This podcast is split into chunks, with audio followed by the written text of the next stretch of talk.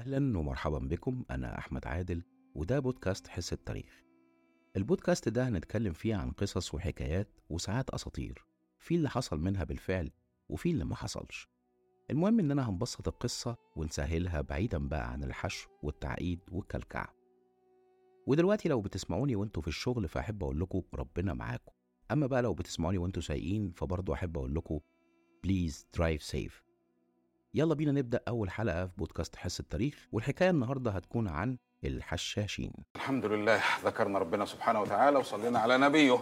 أيوه عايزين نطمن بقى الشغل عامل إيه؟ الحشيش تمام؟ تمام حاجة عالية قوي زي الفل يا سيدي الناس. الحمد لله. الحشاشين أخطر طائفة ظهرت في الشرق الأوسط في الفترة الزمنية بين القرن ال11 وال13 ميلادي. أو تقدر تقول في العالم كله طائفة رعبت الناس كلها وبالأخص الملوك والأمراء وعلية القوم. أنا شخصيا خفت منهم ولو أنت ما خفتش أحب أقول لك تحسبش كده يا صاحبي. أول حاجة خليني أفتح الخريطة علشان أعرفك المنظر من فوق للمنطقة كلها. في الفترة دي كان عامل إزاي وده هيسهل عليك فهم الأحداث قدام وإحنا بنحكي. لو بصيت على الجزء الشمال من الخريطة بتاعة الشرق الأوسط هتلاقي مصر وشمال أفريقيا ودول كانوا تحت حكم الدولة الفاطمية. وبالمناسبة الفاطميين كانوا على المذهب الشيعي الإسماعيلي. لو حابب تعرف أكتر عن الدولة الفاطمية هنتكلم عنها في حلقة منفصلة. لو دخلت يمين شوية في اتجاه بلاد الشام هتلاقي الوضع مختلف لأن الفترة دي كانت في مدن كتير محتلة من الصليبيين والمدن الغير محتلة بيحكمها السلاجقة والسلاجقة دول يا سيدي الفاضل هم الأتراك ودول على المذهب السني وبرضه دول محتاجين حلقة لوحدهم. لو مشينا يمين أكتر على الخريطة هنوصل لبلاد الفرس أو إيران. في وقتنا الحاضر ودي المنطقة اللي هتبدأ منها حكاية النهاردة.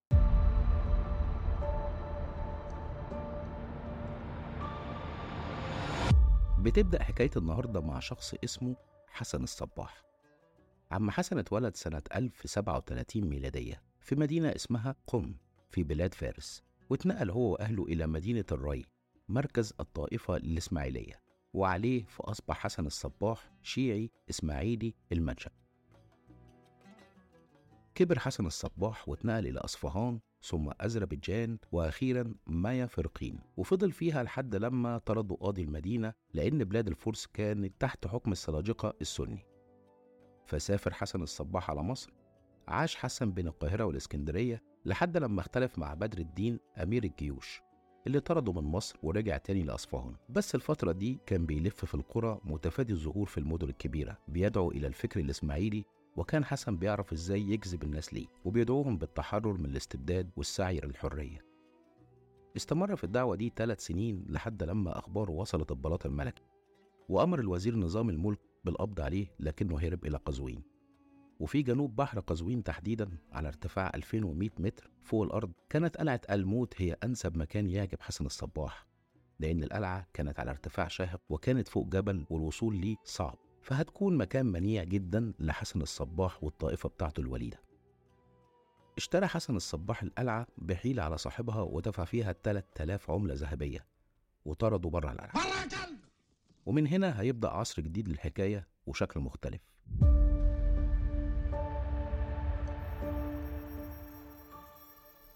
ابتدى حسن الصباح يجيب أطفال وشباب كل أهل القرى اللي حوالين القلعة ويدربهم على فنون القتال والتنكر والتخفي ويعلمهم لغات مختلفة كتير علشان يقدر يكون جيش صغير مش للحروب بل للاغتيالات ويكون الولاء لشيخ الجبل حسن الصباح طبعا في الجنة. إيه بقى حكاية الجنة دي بقى؟ جنة حسن الصباح مش هي الجنة اللي كلنا عارفينها. جنة حسن الصباح كانت جوه القلعة هو اللي عاملها. عبارة عن مكان سري مخفي عن العيون. مش أي حد بيقدر يوصل له إلا هو أو بأمر منه في الوقت اللي هو يختاره. أول حالة اغتيال خطط ليها حسن الصباح كانت لنظام الملك وزير البلاط الملكي في بلاد فارس. أكتر الأشخاص اللي كان بيكرههم حسن وبعد ما بيتم اختيار الشخص الفدائي زي ما حسن مسميهم وبيتم تخديره وينقلوه إلى الجنة فيصحى الفدائي يلاقي نفسه في مكان كله أشجار وبنات وخمر ولبن وعسل ويبلغوه إنه في الجنة.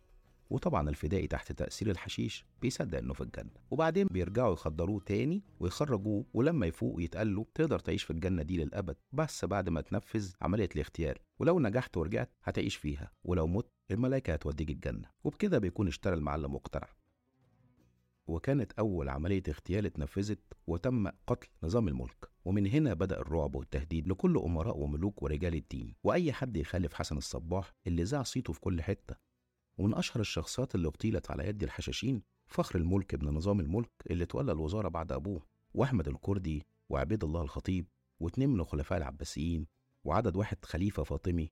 كل دي أسماء قضاة وأمراء كانوا على خلاف مع حسن الصباح. الموضوع ما كانش عرب وبس وكمان تم اغتيال بعض الأمراء الصليبيين زي ريمون الثاني كونت طرابلس وكونراد الأول ملك القدس. وفي خلال الفترة دي حبا في التوسع أرسل حسن الصباح لحلب والشام واحد من الأتباع المخلصين اسمه الحكيم المنجم اللي برضه قدر يأسس قلعة في الشام ويبدأ بنشر الفكر الإسماعيلي ويلم الناس حواليه ويدرب الشباب الصغير على الطاعة لشيخ الجبل والموت فداء الشيخ والقضية. حسن الصباح فضل جوه قلعة الموت 35 سنة من يوم ما دخلها ما خرجش منها لحد ما مات سنة 1124 ميلادية. وفضل بعده الفكر والأسلوب مستمر لحد لما هجم على قلعة الموت هولاكو قائد المغول اللي حرق القلعة وحرق كل قلاع الحشاشين. اللي موجودة في بلاد فارس سنة 1256 ميلادية وبعدها ب 17 سنة قام الظاهر بيبرس بالقضاء على كل الحشاشين في الشام. وبكده تكون انتهت قصة الحشاشين اللي أرعبوا العالم كله. أحب أقول لسيادتك يا سيدي الفاضل ولحضرتك يا ست الكل إن التتار لما دخلوا إيران وبغداد حرقوا كل المكتبات وكل الأوراق. وما خلوش كتاب أو مخطوطة ممكن توصل لينا كمرجع عن الطوائف اللي كانت عايشة في الوقت ده وإن كل الكتب والتاريخ عن الفترة دي متاخد من كتاب ماركو بولو. اسم الكتاب The Book of Sir ماركو بولو فمدى صحة الحكاية حقيقة أو أسطورة؟ لحد اللحظة دي مفيش حد يقدر يأكده لحضرتك نظرا لأن العرب في الفترة دي كانوا في حروب مع الصليبيين. لكن اللي أحب أبلغك بيه إن الطائفة الإسماعيلية موجودة لحد وقتنا الحاضر وعددها 12 مليون شخص منتشرين في 25 دولة. والإمام الحالي هو الأمير كريم آغا خان وهو الإمام ال 49 للطائفة. أتمنى أكون بسطت المعلومة على قد ما قدرت وأتمنى ما تكونوش زهقتوا مني. ولو عندكم أي تعليق أو سؤال أو حابين إن نحكي حكاية معينة تكتبوا لي في الكومنت. وشكرا ليكم جدا. كان معكم أحمد عادل من بودكاست حس التاريخ.